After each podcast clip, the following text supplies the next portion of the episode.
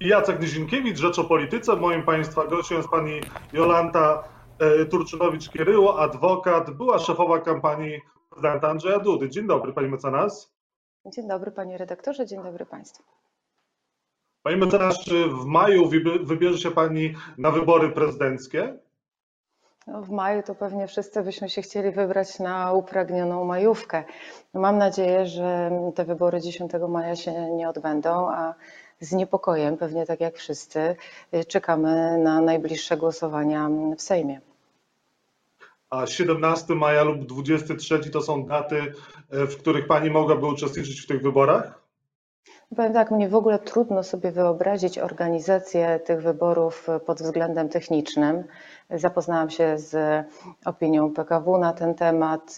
Oczywiście kwestie gwarancji demokratycznych wyborów są tutaj priorytetem. Na razie nie widzę takiej możliwości, dlatego że te gwarancje w obecnej chwili nie są spełnione. Czyli według Pani w maju te wybory są niemożliwe do przeprowadzenia? No, trudno powiedzieć. E, mówimy tutaj o sytuacji, która może się odbyć e, za blisko trzy tygodnie. E, natomiast racjonalnie zakładając, taki scenariusz wydaje się na dzień dzisiejszy mało prawdopodobny. Mm, uważam, że do takich wyborów potrzebny jest konsensus i zgoda wszystkich sił politycznych, które swoich kandydatów wystawiły w tych wyborach prezydenckich, plus także innych kandydatów, o których się nie mówi, którzy reprezentują środowiska y, biznesu czy środowiska mm, religijne i inne. Y, to są wszystkie osoby, które są zainteresowane przebiegiem wyborów, y, zainteresowane gwarancjami przy tych wyborach. Mm, myślę, że ich głos należałoby, ich głosu należałoby wysłuchać i się nad tym zastanowić. Zresztą o takiej trosce na temat organizacji wyborów y, mówi i episkopat, y, mówi i Państwowa Komisja Wyborcza. No to jest naturalne, żeby w takiej sytuacji y, pochylić się nad tymi głosami. No właśnie, czy prezydent Andrzej Duda powinien wystąpić może z jakąś inicjatywą i poszukać porozumienia ponad podziałami, porozmawiać e, z przedstawicielami ugrupowań opozycyjnych, żeby wspólnie w zgodzie przełożyć te wybory, może zorganizować powinien Radę Bezpieczeństwa Narodowego? O, bardzo mi się y, podoba to, co y, pan redaktor powiedział. Ja jestem e, zwolenniczką y, aktywnej prezydentury i prezydentury blisko ludzi, takiej prezydentury, która e, budzi zaufanie ludzi, ale także utrwala zaufanie ludzi do takich e, osób jak prezydent Rzeczpospolitej Polskiej. Tutaj mamy możliwości rozmowy na tak poważne tematy. Chcę przypomnieć, że w styczniu i w lutym odbywało się spotkania w ramach Forum dla Praworządności organizowanego przez Polską Akademię Nauk we współpracy z Akademią Umiejętności. E, spotkania e, nie tylko wybitnych e, prawników, ale także organizacji pozarządowych, samorządów sędziowskich, przedstawicieli Sądu Najwyższego, NSA, Fundacji Helsińskiej ale także przedstawicieli e, partii politycznej. I to było dobre, takie ponadpartyjne spotkanie, nawet dwa można powiedzieć.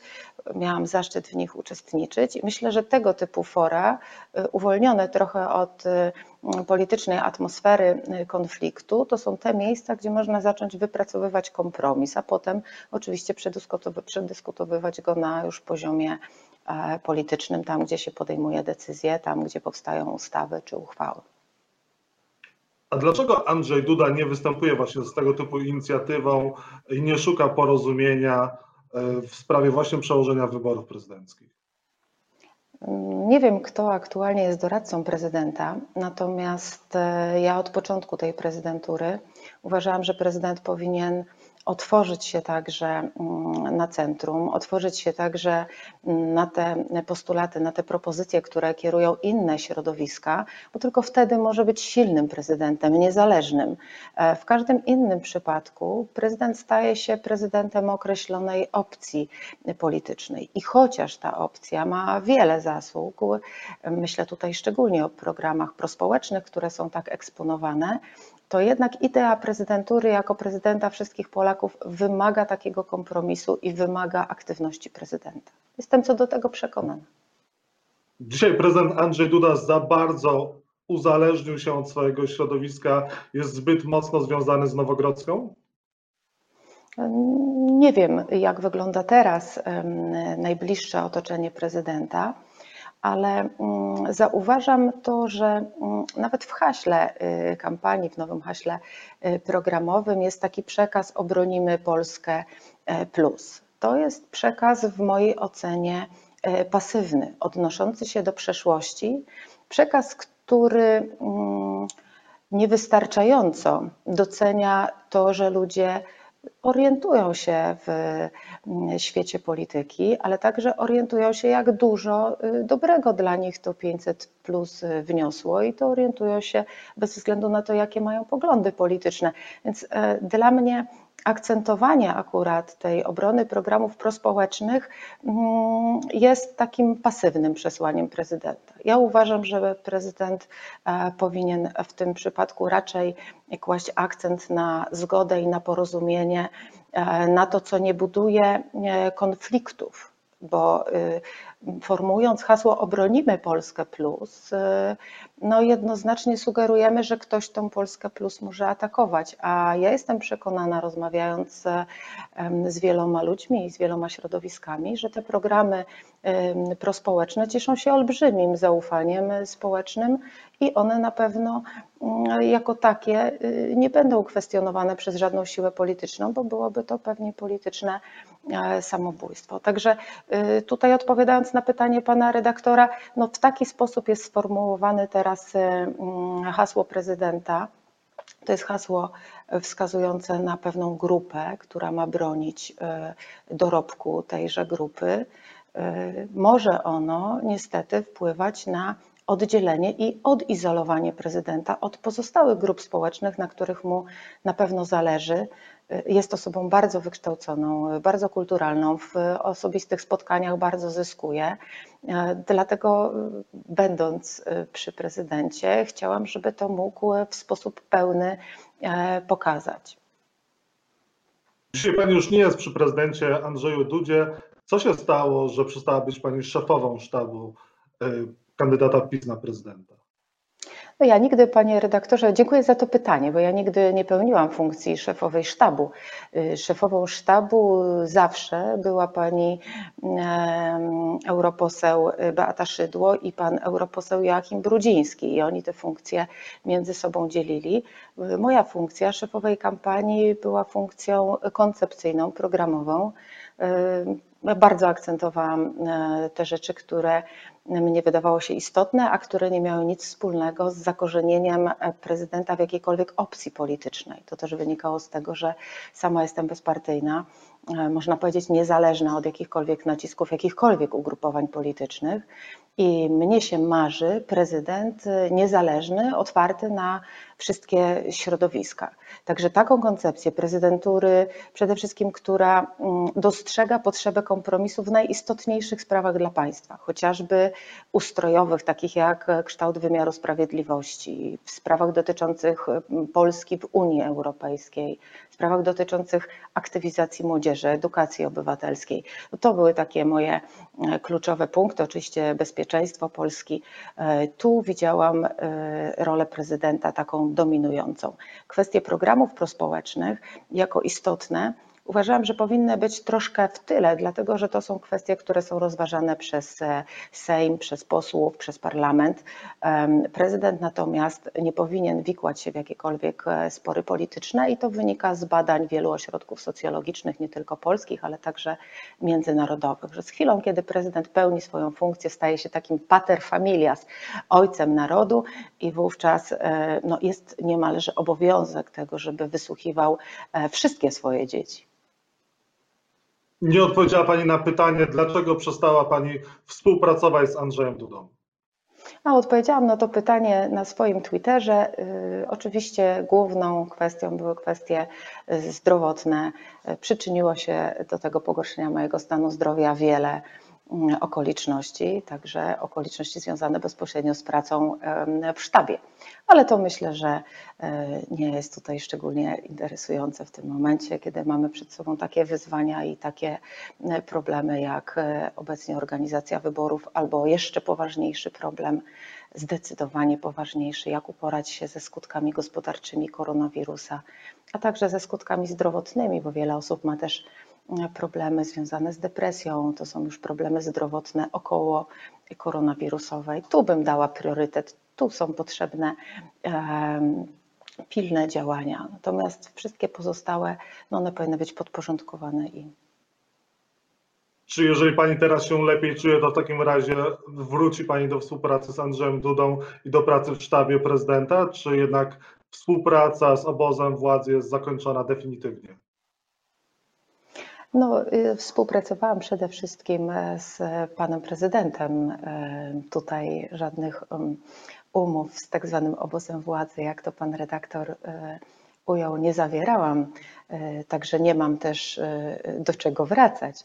Mm, a jeśli chodzi o ewentualne mm, doradztwo panu prezydentowi, to oczywiście tych ekspertów wokół niego jest dużo. Jeśli pan prezydent e, będzie uważał za słuszne, e, żeby się zwrócić do mnie z jakimkolwiek pytaniem, to ja oczywiście e, z przyjemnością odpowiem. Natomiast poprzedni etap zaangażowania mm, bardzo dużo mnie nauczył. To jest potężne doświadczenie i mam nadzieję, w jakiś sposób tą wiedzę, którą zdobyłam w dobrej sprawie, w słusznej sprawie wykorzystać.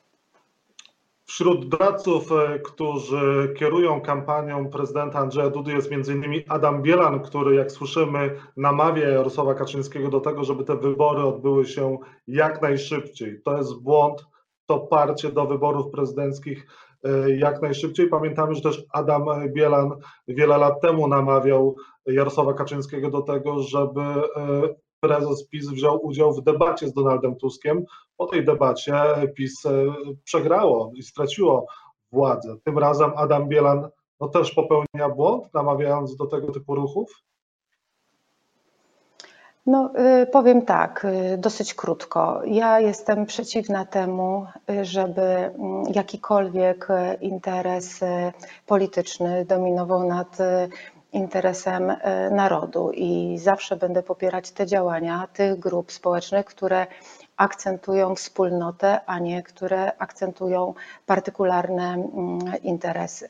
Zresztą mm, wiem, że pan redaktor zaprosił e, świetnego rapera e, Grupsona dzisiaj to przypomniało mi się, chwilę rozmawialiśmy wcześniej, przypomniała mi się taka mm, sentencja w ramach edukacji obywatelskiej młodzieży, którą y, poprzez naszą Akademię De Virion y, prowadzimy. Y, świetna do, do rapowania i ona się odnosi w jakimś sensie do tego komentowania przez polityków ugrupowania rządzącego pewnych spraw. To jest tak mniej więcej tutaj dla Grubsona mówię, brzmi magicznie stara formuła Nemo judex in causa sua. W życiu jak w sporcie i w każdej sprawie. I w każdej zabawie. Nie możesz być sędzią we własnej sprawie. I e, to jest dla mnie ważne przesłanie. Tak? E, konieczne jest wysłuchanie drugiej strony, ale wysłuchanie to nie znaczy, że to ma przelecieć koło ucha i gdzieś mamy to zapomnieć, e, co druga strona mówi. To chodzi o aktywne słuchanie, wsłuchanie się w kogoś argumenty, e, pamiętanie też o tym, że historia, to co pan redaktor powiedział, historia jest nauczycielką życia, mm, wyciąganie wniosków z porażek. A pytanie, czy prezydent Andrzej Duda jest wystarczająco samodzielnym y, prezydentem, kandydatem, czy może jednak za bardzo słucha właśnie Adama Bielana i Nowogrodzkiej? Jakie pani ma odczucie? No nie wiem, e, kogo w tym momencie słucha pan prezydent. E, marzy mi się, żeby prezydent Rzeczpospolitej Polskiej słuchał swoich e, obywateli. Oczywiście jest to w jakimś sensie górnolotne stwierdzenie ale tylko wtedy, kiedy mm, prezydent będzie miał niezależnych doradców. Taką rolę miałam nadzieję pełnić. Wtedy nie będzie jak e, król z baśni Andersena. E, wtedy tylko będzie miał szansę usłyszeć e, prawdę i podjąć takie decyzje, które spowodują, że gdzieś na końcu swojej drogi, czy to kariery politycznej, czy też nawet na końcu życia, będzie mógł spokojnie patrzeć w lustro, będzie mógł być dumny ze swojego życia. A ludzie będą z kolei Prezydent Andrzej Duda mówi, że słucha Prezydent Andrzej Duda mówi, że słucha Polaków, głos suwerena jest dla niego ważny. Tymczasem sondaże pokazują, że większość przytłaczająca Polaków, również wyborców Prawa i Sprawiedliwości, jest za tym, żeby te wybory majowe przełożyć. 78% Polaków jest za przełożeniem majowych wyborów. Prezydent powinien posłuchać Polaków w tej kwestii? Tu jest nawet e, jeszcze, myślę, ten procent Polaków e, większy, dlatego że część ludzi, pamiętajmy, obawia się wyrażać swoje e, poglądy z uwagi na to, że społeczeństwo jest bardzo mocno, podzielone, bardzo mocno podzielone również w rodzinach. To, co jest istotne i myślę, na co prezydent dobrze, żeby zwrócił uwagę, to to jest to, że każda władza powinna mieć silne umocowanie powinna być silnie zakorzeniona. Władza prezydenta powinna być silnie zakorzeniona w narodzie. Jeśli będzie zakorzeniona tylko w jednej części tego narodu, to jakiekolwiek e, mm, tutaj siła wyższa, wiatry historii mogą tą władzę bardzo łatwo mm, obalić. E, wiemy to też przecież z doświadczeń wieloletnich. Prezydent tylko wtedy będzie silnym prezydentem i tylko wtedy zyska zaufanie Polaków, jeśli będzie niezależnym prezydentem. I to jest zupełnie inna sprawa niż zaplecze polityczne, bo posiadanie takiego zaplecza politycznego przez prezydenta jest czymś naturalnym. Proszę zwrócić uwagę, w Stanach Zjednoczonych chociażby, prawda, republikanie, demokraci wystawiają swoich kandydatów. Tutaj poparcie Zjednoczonej Prawicy dla prezydenta nie jest niczym złym i o to prezydenta nie można w żadnej mierze mierze obwiniać. Natomiast to, w jaki sposób już prezentuje prezydent e, swój program, do kogo go kieruje, a w końcu jak go realizuje, e, czy staje się prezydentem wszystkich Polaków, czy pozostaje prezydentem określonej opcji politycznej, to już zależy od siły charakteru prezydenta. Ja wierzę, wierzyłam, będąc szefową kampanii prezydenta, że Andrzej Duda jest najlepszym kandydatem i że będzie właśnie e, takim prezydentem.